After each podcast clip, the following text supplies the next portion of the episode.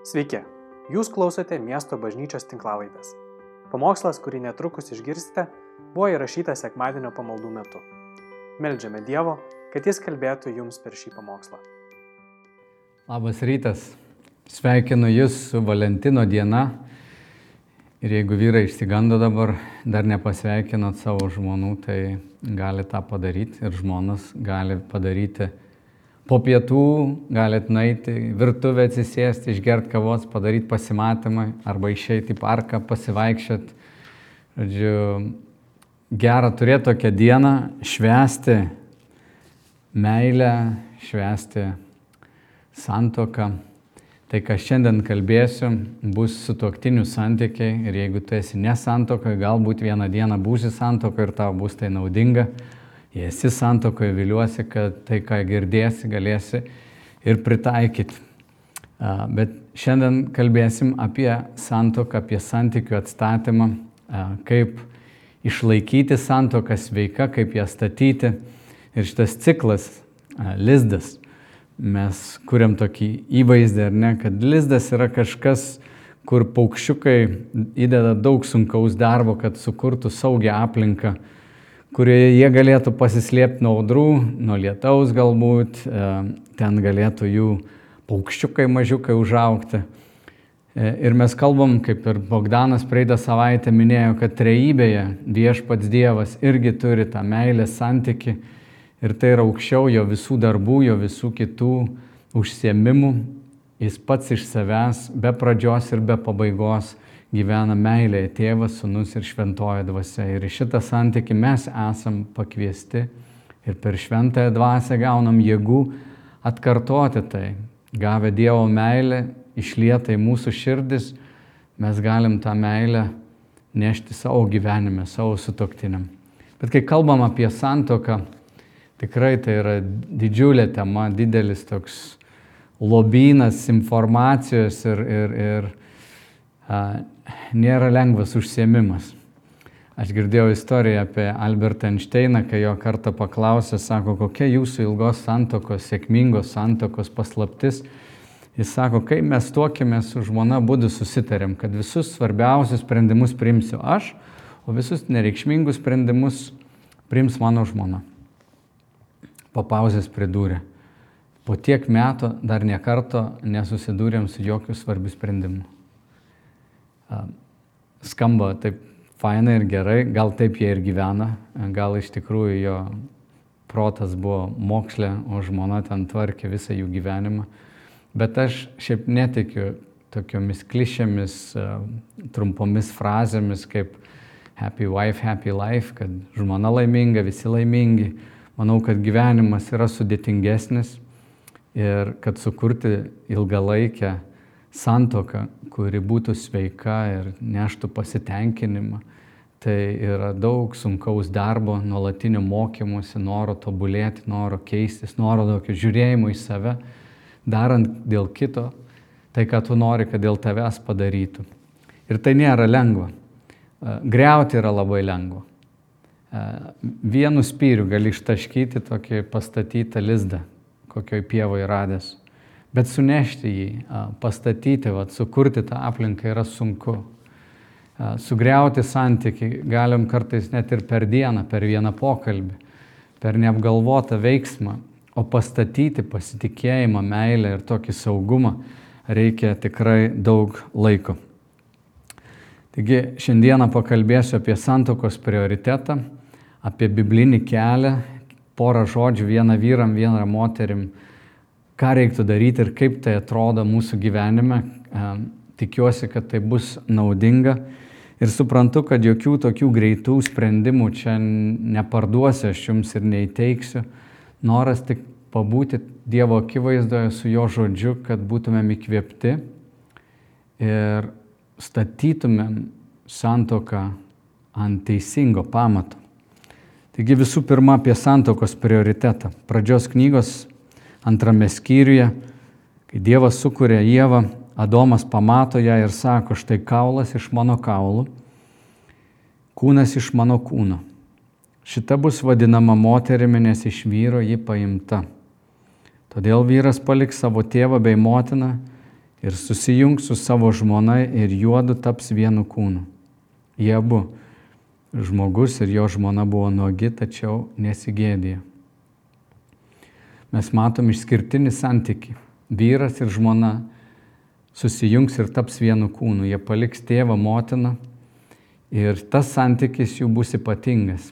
Nei vaikai, nei giminaičiai, nei kaimynai, nei bendradarbiai niekada tokio santykio neturės. Tai yra absoliučiai išskirtinis santykis šitoj žemėje. Skirtas vienai moteriai, vienam vyrui, visam gyvenimui. Dievas taip suplanavo nuo pat pradžių, kad jie ateitų į tokį tašką kaip Jėva ir Adomas, kurie stovėjo vienas prieš kitą nuogi ir nesigėdė. Argi nėra tai gražus paveikslas? būti priešais kitą žmogų, kuris tave mato, mato visą tave, su tavo visais trūkumais, su visom gražiom savybėm, tave priima, tavęs neteisia, tave palaiko. Kai kiti juokės iš tavęs ar paspiria, yra tas, kuris nuolat tave pakels, kuris priims, kuris išklausys ir supras. Nieko nėra turbūt gražiau už šitą intimų, artimą tokį ryšį tarp dviejų žmonių, kurie išmoko vienas kitą priimti, stovėti nuogi, be gėdos, be jokių sienų, be jokio uh, paslėpto kažkokio motyvo, tiesiog atviri vienas prieš kitą. Į tokį santykį galime įeiti tik su amžinu besąlygišku įsipareigojimu, kad tu esi mano, o aš esu tavo. Ir tu esi svarbiausias asmo mano gyvenime. Santoka niekada net laikys konkurencijos su kitais dalykais. Jeigu iškelsi kitą dalyką, jeigu mama iškels vaikus aukščiau vyro, ji pradės greuti tą santoką. Nes savo prigimtimi santoka stovi ant dviejų žmonių ryšio susijungimų, kūnų siela, dvasia, savo širdimi ir stovi ant to įsipareigojimo kad kas betsitiktų gyvenime, tu esi mano, aš esu tavo. Du žmonės sueina ir atneša visą save, visą save. Šimtų procentų. Be jokių paslėptų dalykų, be jokių slaptų motyvų. Atviri tokie, kokie yra. Ir toliau jie mokosi aukti toje vienybėje. Taip Dievas sukūrė, toks yra jo dizainas ir negali šiaip pasišaipyti iš jo, negali atsainiai kažkaip į tai žiūrėti. Čia būtų kažkas panašaus, kaip dizaineris sukūrė automobilį, jį pastatė, sukonstravo, kad jis greitai važiuotų um, keliu. Ir kažkoks žmogus sako, pabandom ežero dugnu pasivažinėti. Įlėkė su ta mašina į vandenį, viskas sustoja, viskas sugenda. Negali ignoruoti to dizaino, to pirminio užmanimo, negali į santoką pažiūrėti taip. Man atrodo, kad čia juokų krūva, kas čia parašyta yra vieni juokai. Ne, ir žmogus savo supratimu gyvena kaip jis nori. Sako, aš renkuosi savus kelius, savo laisvę. Šį, šią savaitę turėjau vieną e, tokią paskaitą na, vienoje gimnazijoje. Tai vienas iš moksleivių sako, mano nuomonė visai kitokia. Nu, man patiko, bet mano nuomonė visai kitokia. Ir šiais laikais visi gali turėti kas kokią nori nuomonę. Aš tik galvoju, kad tai, kas yra išbandyta tūkstantmečiais, atlaikys ir dar tūkstantmečių spaudimą, net jeigu šiandieninė aplinka yra visiškai tam nepalanki. Matai, mes turim vidinės grėsmės, mūsų pačių ego, mūsų tą nuodėmingąją prigimti. Mes turim savo praeitie žaizdas, traumas, jau susiformavusi nuo pirmųjų dienų bendravimo įgūdį, ar ne, nuo pirmųjų metų išmokom, kaip bendrauti ir, ir smegenų veikla yra susiformavusi ir tikrai ten šventai dvasiai Dievo žodžiai yra ką veikti, kad mus padaryti tokius, kokius Dievas mus numatė būti. E, kartais tiesiog žmogus neturi nei to emocinio intelekto, kartais dėl nežinojimo, nesidomėjimo e, jam gyvenime bus sunkiau. Ne visi turim tą pačią startinę liniją. Vienas užaugo saugioje aplinkoje, jo tas namų lizdas toks buvo fainas, kažkas įdėjo daug pastangų ir, ir, ir, ir jisai tokioj saugioje aplinkoje augo ir tikrai vystėsi. Kitas gal užaugo apskritai atstumtas, nepastebėtas arba dar blogiau smurtaujama prieš jį buvo. Žodžiu, mes turim tas vidinės kovas, ar ne, kad jau tai yra bagažas, su kuriuo turim tvarkytis. Bet šiandien, kaip turbūt niekada anksčiau, ir man taip keista, kad šitoje vakarų dabar visuomeniai, kurioje mes gyvenam, susidurėm ir su išorinėmis labai agresyviomis jėgomis, kurios greuna šeimą, greuna santoką ir jos neskatina. Mūsų visuomenės mados, kultūra ir ideologijos kai kurios, jos yra greunančios, ardančios ir šeimą, ir santoką. Ir jos labiau panašios į totalitarinės e, kažkokios valstybės tokį režimą, negu į laisvą visuomenę. Ir labai keista Lietuvoje, kad tos jėgos iš vakarų atėjo tai, kas anksčiau buvo Tarybų sąjungoje, kai, kai aš gimiau ir revoliucijos dar pradžioje, ten 20-ojo amžiaus pradžioje prasidėjo sekso revoliucija Rusijoje. Žodžiu, valstybė norėjo kai kurios net vaikus iš šeimų imti ir auginti miesteliuose. Kai valstybė ateina ir kišasi, taip keista matyti dabar vakarų visuomeniai, kokioje Norvegijoje ar dar kur, kur vėlgi valstybė galvoja, kad gali nuspręsti už, už tėvus geriau, kas yra vaikui naudingiau.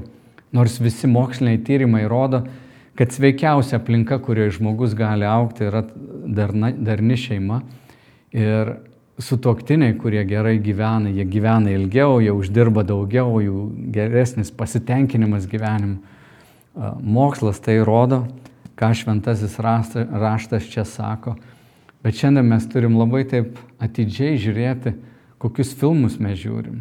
Mes tu beveik nerasi filmų, kur tėvas būtų iškeltas, rodomas kaip, na, didvyris, kaip tas, kuris rūpinasi savo vaikais, savo šeima, tokių įvaizdžių nėra. Kartais jis yra tiesiog nevykėlis, loseris toks, arba kažkur išėjęs kariauti ir kažką pasiekti ir apleidęs šeimą. Žodžiu, visai kitokie įvaizdžiai, trumpalaikiai susitikimai, meilė vienai nakčiai ir visa kita yra pardavinėjama mums.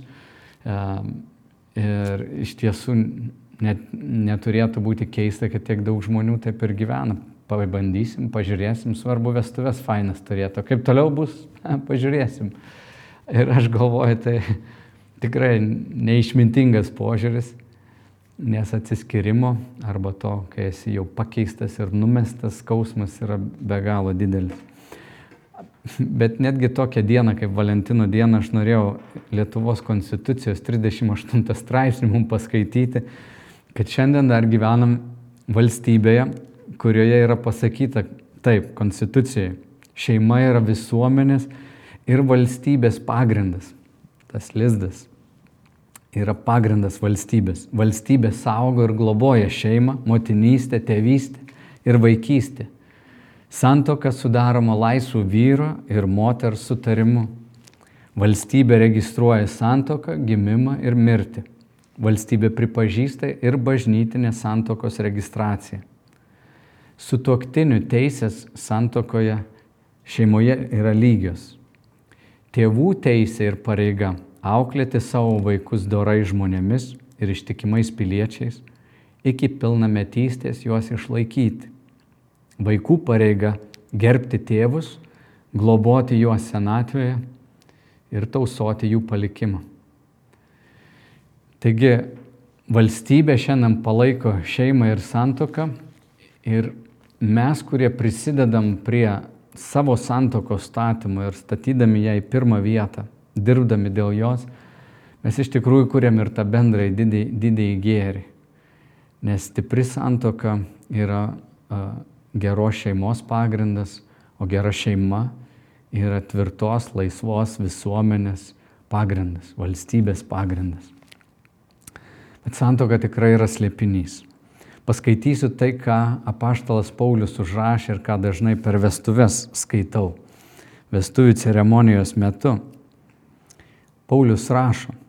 Tai, ką dabar paskaitysiu, na, turbūt sproginėjai smegenis kai kurioms moteriams, jeigu jūs na, daug prisiklausėt ir galbūt ir feminizmo idėjų esat girdėję.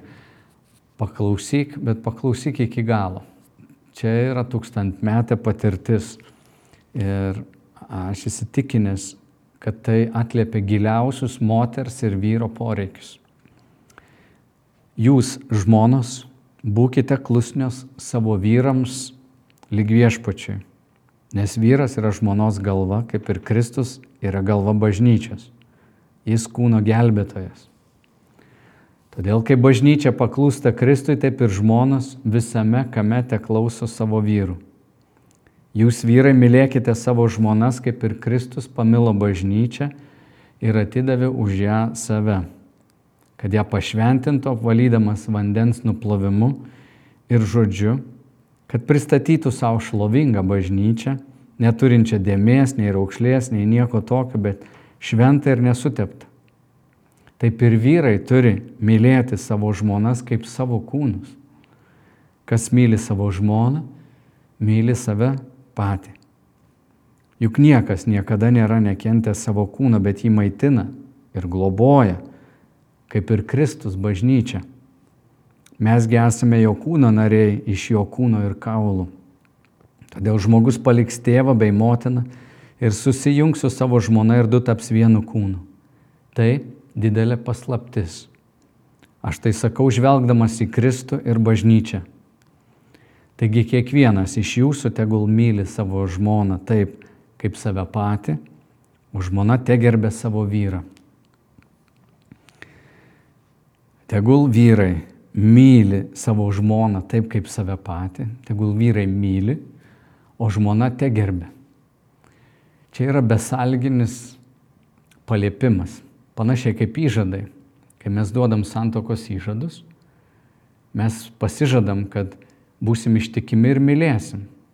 Ar sveikata tvers, ar, ar lygos suims, ar mes varge būsim, ar mūsų laimė lydės. Kaip be atsitiktų gyvenime, aš, aš prisimu atsakomybę mylėti ir būti tau ištikimas. Aš statau tave į pirmąją vietą. Nėra jokių sąlygų. Nėra pasakyta, tik jeigu tu tą patį man padarysi. Žinoma, antra pusė sako tą patį, be jokių sąlygų. Sako, aš tau būsiu ištikima, aš tave mylėsiu visomis aplinkybėmis. Ir tai rimtas įsipareigojimas, beprotiškai rimtas įsipareigojimas, tokio įsipareigojimo tu neduodi niekam kitam, tik su toktiniu, nei valstybei, nei savo krepšinio komandai, niekam neduodam tokio įsipareigojimo. Ir nėra taip lengva jo laikytis. Čia vėlgi yra paliepimas, sako, tegul vyras myli, o žmona te gerbė. Tai kai kalbam apie besąlyginę meilę, kažkaip suprantam, kad Dievas mus besąlygiškai pamilo. Ar mes būsim geri ar blogi, jo meilė nuo to nepriklauso. Jis tiesiog nusprendė mylėti savo kūrinyje. Ir čia mes matom Kristų, jo paveikslą, kad Kristus myli bažnyčią, ją rūpinasi, ją globoja. Dar daugiau, už ją atiduoda savo gyvybę. Aš nepažįstu daug tokių moterų, kuri atsisakytų tokios meilės. Aš nežinau, kokia moteris sakytų, dzin man tokia meilė, o manim rūpintųsi, aš pati savim pasirūpinsiu. O ką aš negaliu savim pasirūpinti? Ką man reikalinga draugystė, ką man reikalinga globa. Aš nenoriu tokio santykio. Tai šiandien taip yra nueita toli, kad iš tiesų moteris gali taip ir pasakyti, aš viena gyvensiu, aš viena sieksiu karjeros, realizuosiu savo svajones ir panašiai. Na, ir tai jos pasirinkimas. E, ką jinai pasės, tą jinai nupjaus, ką jinai pasirinks, su tuo ir gyvens.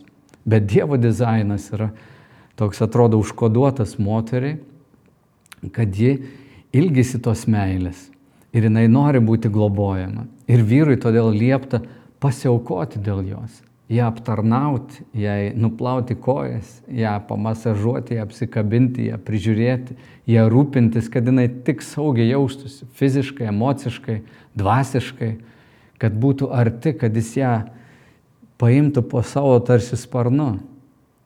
Ir tai nieks, joks nepažeminimas, bet vyrui liepiama mylėti žmoną kaip save patį. Jeigu vyras išalko, jisai gali pagalvoti, o gal mano žmona nori valgyti. Jeigu vyrui šalta, jis gali pagalvoti, gal mano žmonai šiandien šalta. jeigu mes tokojam pinigų ir man kyla nerimas, ar mes išgyvensim, gal žmona dvigubai daugiau jaučia nerimą, kaip mes išgyvensim ir ją reikia paguosti, nuraminti ir panašiai. Aš nežinau daug tokių moterų savo patirtį, pokalbiuose, kurios atsisakytų tokios meilės. Žinoma, daug reakcijų kyla iš išimčių tokių gal, ar, ar tokio at, smurto, ar nepriežiūros, visa kita. Bet žiūrėkit, moteriai, žmonai yra duotas paliepimas gerbti vyrą. Besąlygiškai. Ir čia jau kyla klaustukai. Moteriai natūralu yra mylėti. Moteris nešioja kūdikį, augina, jinai tą lizdą stato, jai tai atrodo įgimta yra bet jai pasakyta gerbti. E, ir, ir moteriai, ir vyrui reikia ir meilės, ir pagarbos, bet iš šitų paliepimų mes matom, kad vyrui gyvybiškai svarbu yra pagarba. Moteriai gyvybiškai svarbu yra meilė. Jis turi būti mylima, jai tai labai svarbu kai paklausi moterų, sakai, ar tu myli savo vyrą, jis sako taip, ir vyras atsakys, kad taip, mano žmona myli mane, bet paklausi vyro, tave žmona myli, sako taip, o tu jai patinki, e, sakys ne, labai dažnai.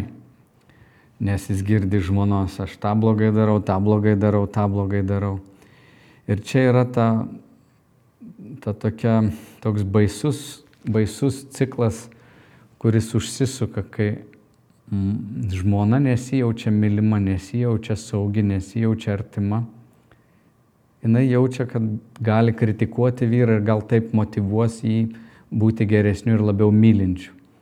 Tačiau vyras, kuris negauna pagarbos, jam tai yra gyvybiškai svarbu, jis be to negali išgyventi, jis tada nesijaučia motivuojamas mylėti ir užsisuka toks ciklas. Tai, ką dabar pasakysiu, yra iš um, daktaro Emersono Egričio knygos Love and Respect, meilė ir pagarba. Ir tai tikrai nuostabi knyga, kas skaitot angliškai, labai rekomenduoju jums įsigyti šitą knygą, lietuvių kalba jos nėra. Bet tai yra ir moksliškai įrodytas vat, sveikas santykis ir tai, kas vat, tūkstantmečius jau egzistuoja, tas meilės pagarbos santykis, jis yra būtinas kad du žmonės išgyventų kartu. Tas beprotiškas ciklas, kurį noriu jums ir parodyti, kad kai nejaučianti meilės moteris nerodo pagarbos, nejaučiantis pagarbos vyras nerodo meilės. Ir tas ciklas jisai gali suktis tol, kol vienas iš jų nesustos ir nepasakys stop. O tai kol mes norim gauti, kažką ir sakom, kai aš gausiu tai, ko man labiausiai reikia, tada aš tau duosiu, ko tau labiausiai reikia. Tas ciklas taip ir suksis beprotiškai, jis taip ir skaudins ir išeis. Ir žinoma, tokiam artimam santykiai sužeidimai yra galbūt patys giliau, giliausi. Gerbti besąlygiškai gali skambėti neprotingai, bet tai yra būtina sąlyga tam santykiui.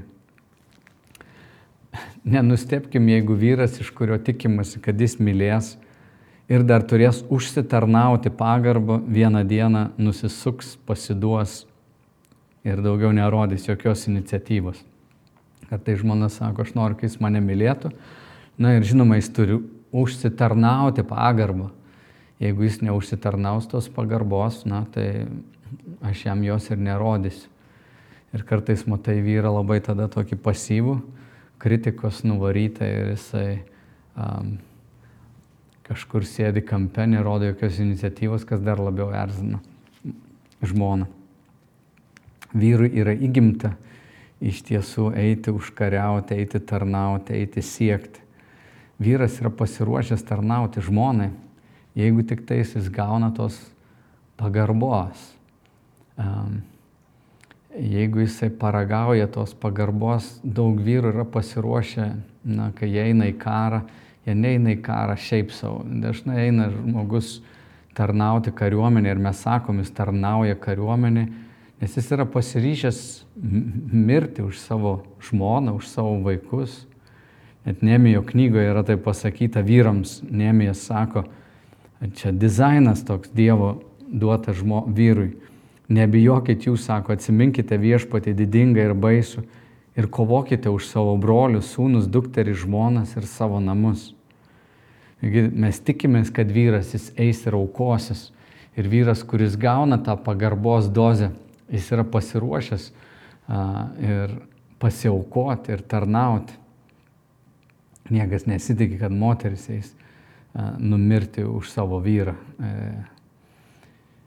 Taigi toks yra Dievo dizainas. Klausimas dabar, kaip sustabdyti tokį beprotišką ciklą, kai jis užsisuka. Kas žengs tą pirmą žingsnį? Tai Emersonas Egričas sako, pirmą žingsnį turėtų žengti tas, kuris yra brandesnis. Kartais santokoje gal vienas yra labiau arčiau Dievo, arčiau jo širdies, labiau brandus, gal jo ta starto linija buvo na, toli, tolėliau, jo atstumas atrodo gal trumpesnis bėgimo. Tai tas ir turėtų imtis iniciatyvos. Negali laukti, kol kitas žengs tą pirmą žingsnį. Taigi kaip vyrui rodyti meilę. Dabar žmonas gali turbūt išsijungti. Keletą žodžių pasakysiu vyrui. Šešis dalykus, kuriuos šitas daktaras Emersonas Egričias sako, kaip žmona supranta meilę, per ką? Jis supranta jį per artumą. Ji nori jausti esanti arti, kad vyras būtų šalia, kad vyras a, nevengtų jos apsikabinti, be jokių ten tokių seksualinių ketinimų, tiesiog apsikabinti, būti šalia, a, būti arti. Kitas dalykas yra atvirumas. Ji nori žinoti, kad esi atviras prieš ją. Labai dažnai žmona norės, kad vyras išsipasakotų, pasikalbėtų su ją. Net mažos mergaitės gali būti tos, kurios ateina ir sako, pasikalbam, ten a, uždės rankas ant veido ir nori tokio kontakto. Ja labai žaidžia, kada išsiblaškai. Aš turiu kelias dukteris ir, ir jos nori va tokio kontakto, jos nori to atvirumo. Mm. Kitas dalykas yra supratimas. Ji nori, kad išklausytum jos, o ne patarinėtum. Vyrams būdinga yra patarinėti ir analizuoti, bet jinai nori, kad tu nepertrauktum, tiesiog išklausytum, pastebėtum jos jausmus, um, ramiai galėtum sėdėti ir išklausyti. Taip kaip tau pagarba yra labai svarbi, taip ją užmaitina, jinai taip supranta meilę iš tavęs, kada tu ją išklausai. Kitas dalykas yra taika, tai yra susitaikymas. Nori girdėti iš tavęs, kai tu įskaudini kažką padarai, atsiprašau, ar gali man atleisti. Um, tą įtampą panaikinti, kad žengtum žingsnį į susitaikymą. Ir vėlgi čia mums kaip vyrams Kristaus pavyzdys yra e, pagalba pamatyti, kaip Jėzus mokiniams plauna kojas, kaip jis rūpinasi, kaip jis juos, e, už juos kovoja, kaip jis juos a, aptarnauja. Tai vėlgi mums tai turėtų būti na, pavyzdys, kuriuo mes kaip vyrai sekam. Lojalumas jai svarbu Ji turi žinoti, kad esi jai pasišventęs. Negali, žinai, žvilgčioti jos akivaizdoje kitas moteris, kai jinai šalia. Ir kai ne šalia, jinai turi žinoti, kad na, ji yra vienintelė. Moteris, jinai girdi savo ausimis per ausis, jai daug dalykų patenka. Sakyk jai nuolat, kad myli, kad jinai yra išskirtinė, kad jinai yra vienintelė, kad nėra kitos tokios šitie dalykai, na, ją gaivina, ją atkelia. Moteris ir taip vargsta, lygindamos save su kitais. Tai tu kaip vyras jai saugumą sukursi, kalbėdamas, kad tu esi išskirtinė, tu esi mano.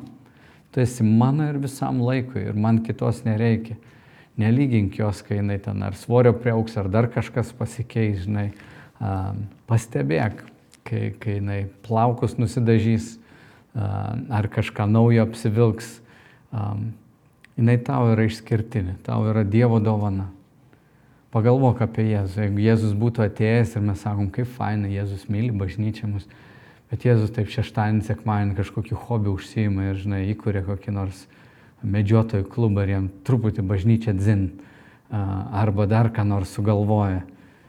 Mes taip neįsivaizduojam Dievo, mes taip ir suprantam, jo, Dievas tai mus myli, kai tik melžiuosi, jis visą laiką girdi, visą laiką ateina, tiek kartų sakė, kad aš jūs myliu arba kad jūs esate ypatingi, mano tauta, jūs esate mano, aš esu jūsų.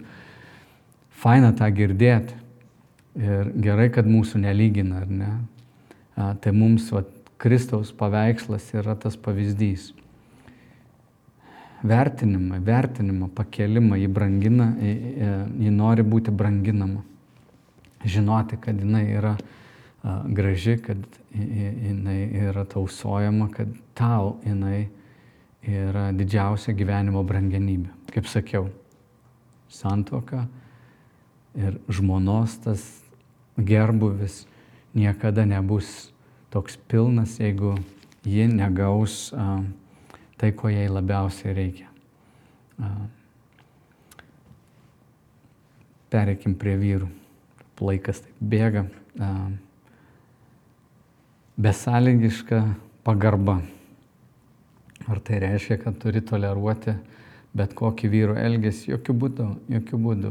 Aš nekalbu dabar apie išimtis ir iš tikrųjų yra skaudžių patirčių, bet aš kalbu, ką tu gali pradėti daryti pagarba vyrui, nuoširdi pagarba. Jis turi būti nuoširdi. Tu turi vertinti ir jo norą, o ne jo pasirodymą.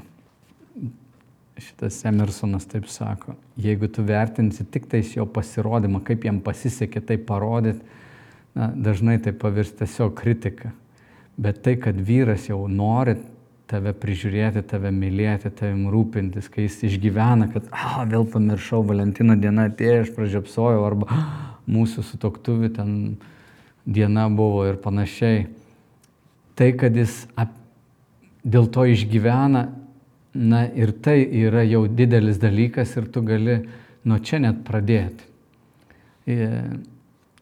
Kaip vyras supranta pagarbą? Viena, jis nori būti vertinamas už jo norą dirbti ir siekti tikslų. Žinai, jeigu vyrui sakysi, kad jo darbas yra nesvarbus, nes jis ten daug laiko praleido, jis tiesiog jausis nevykėliu. Tai, ką jis daro, atrodys nesvarbu. Bet vyrui, na, darbas yra labai svarbus. Mes labai stipriai tapatiname su savo darbu. Tai yra toks Dievo dizainas, kad mes siektumėm, mes norim užimti teritoriją, mes norim kažką pasiekti. Ir norim tai daryti dėl šeimos. Norim to progreso, norim to laimėjimo. Vyrai eina žaisti dažnai tam, kad laimėtų, ne tik, kad a, pabūkim kartu, kai bus faina, žinai, paspardysim kamuolį šiaip savo. Jeigu aš įvarčio neįmušiau, tai žinai, kam ir žaisti. Mes skiriamės.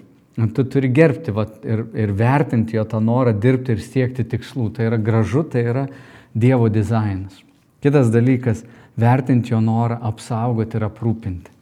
Tai yra vėlgi Dievo duota atsakomybė, ta hierarchija.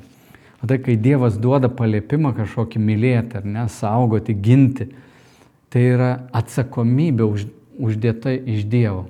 Pasakyta, vyras yra žmonos galva, taip kaip Kristus yra vyro galva. Tai kai jis davė tokią atsakomybę, į tą atsakomybę įeina visas tas rūpesis. Gerbk tai, vertink tai kad jis nori apsaugoti ir, ir kad jis nori galbūt išvažiuoti ir kažkur ten dirbti, uždirbti daugiau, pasiekti daugiau, kad ir tau būtų geriau. Vertink tai, pagirk. Valdžia, vertink jo norą tarnauti ir vadovauti. O čia gal irgi kažkam gali būti sunku čia pasakyti, jūs žmonos būkite klusnios savo vyrams lyg viešpačiai. Nu, laba diena, tai ką aš turiu dabar skudurų tapti? bet tai yra Dievo dizainas, tu gali pasikalbėti. Sakytum, aš norėčiau, kad mano vyras būtų kaip Albertas Einšteinas, aš priminėjau visus sprendimus, o jam per visą gyvenimą nieko nereikėjo priimti, aš vadovauju. Aš žinau, kad protingas vyras niekada nesims, na, be žmonos kažką daryti. Jis žino, kad tai pažeis jų santykiai, jisai pasitars. Bet žinai, santoka, kai du tarėsi, yra gerai žmonai suprasti, kad klausyk, aš turiu 49 procentus, tu turi 51 procentą akcijų. Tu nuspręsi. ir už tuos sprendimus tu atsakysi.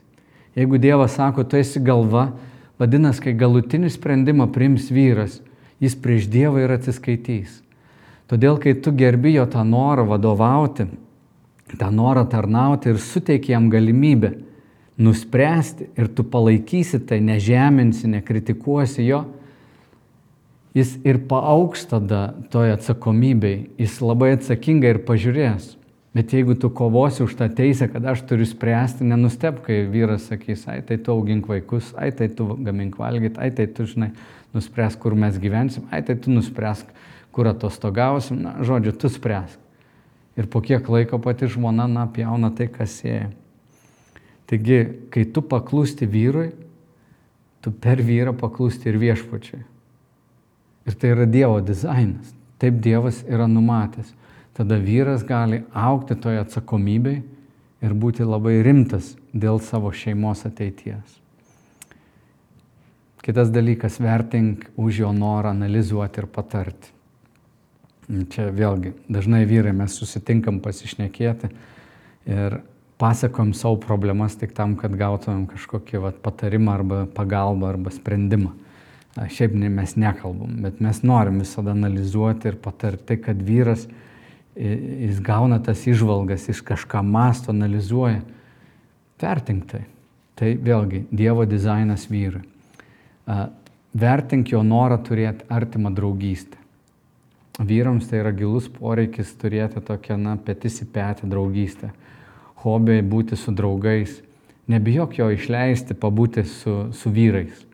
Nes kai jis pabus su vyrais, jis norės būti paskui ir su tavim jis supras vis tiek santokos tą esmę, kad tu esi pirmoji vietoje.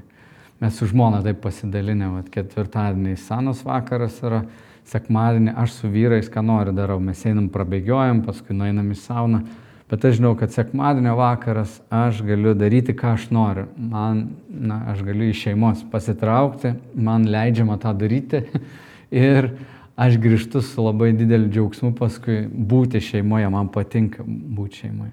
Ir paskutinis dalykas - vertink jo norą siekti lytinio intimumo. Vėlgi mes sukurti skirtingai, na, jam e, ir šventame rašte daug tokių nurodymų, kad ir žmona, ir vyras, mes savo kūną turim ne dėl savęs, o dėl kito. Tai kad jis turi tą norą, tą poreikį, taip kaip tau atrodo yra na, svarbu išsikalbėti, pabūti, jausti artumą, tai vyrui tas intimumas irgi yra beproto svarbus. Negali jo negerbti kažkaip kerštaudama ar sakydama, na, jeigu jis užsitarnaus, tai jo tada, o šiaip tai ne. Žiūrėkit, ką Igričias sako, ciklas, kuris mus energizuoja, yra tai, kai mes gaunam tą meilę ir žmona motivuoja tai gerbti vyrą, o žmonos pagarba motivuoja vyrą mylėti moteriams duosiu tokį pagarbos testą. Jisai, Egričias sako, vieną kartą aš pasakiau moteriams ir jis pradėjo tokį testą taikyti. Grįžk namo, pasakyk jam, už ką jį gerbi, išvardink tuos dalykus, bet nelauk jokio atsako, pažiūrėk, kas nutiks. Tai viena moteris taip padarė, paskui jam parašė laišką, sako, aš atėjau, pasakiau, žinai, aš tave gerbiu už tai, už tai, už tai ir už tai. Ir neapsisuko eiti. Ir sako, palauk, Dar pakartok, už ką tu mane gerbi? Jis sako, gerbi už tai, už tai, už tai ir už tai. Po kiek, po pusvalandžio ar po kiek vyras sako, vai vakare važiuojam visi į restoraną pavalgyti. Niekada to nebuvo siūlęs. Žmona sako, nu negalim šį vakarą, vaikai turi įsipareigojimų ir taip toliau. Bet ji neteko amo, sako, pirmą kartą mano vyras ėmėsi tokios iniciatyvos. Praeina valandėlė, girdžiu ten podai baršką nusileidžia į virtuvę, jis gamina valgyti. Niekada gyvenime nebuvo valgyti gaminės. Vyras gamina valgyti, žmona gauna savo svajonių vyrą. Ir tai yra po tokio trumpo pagarbos um, testo. Vyras į pagarbą dažnai atsako tokiu giliu vat, noru tarnauti. Um,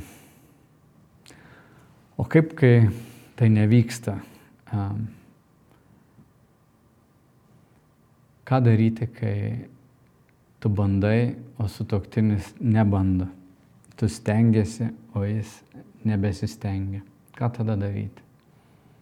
Čia pabaigai, bet gal netokios lengviausios mintis.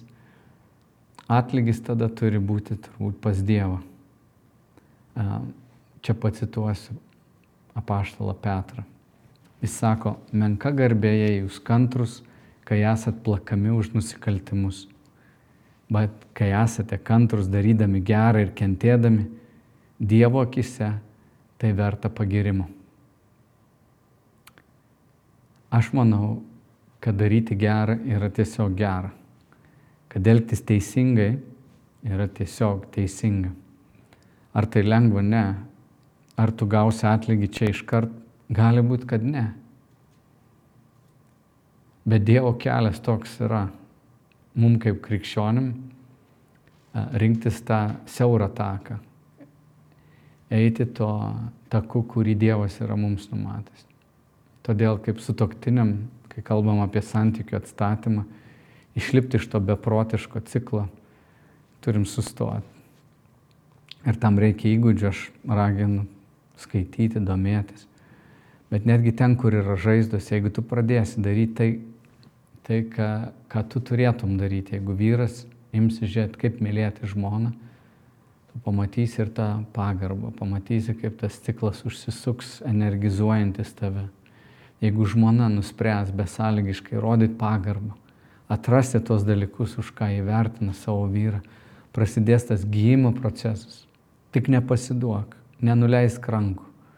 Verta dėl šeimos yra pakovoti, verta yra pasistengti, nes išardyti lizdą lengva.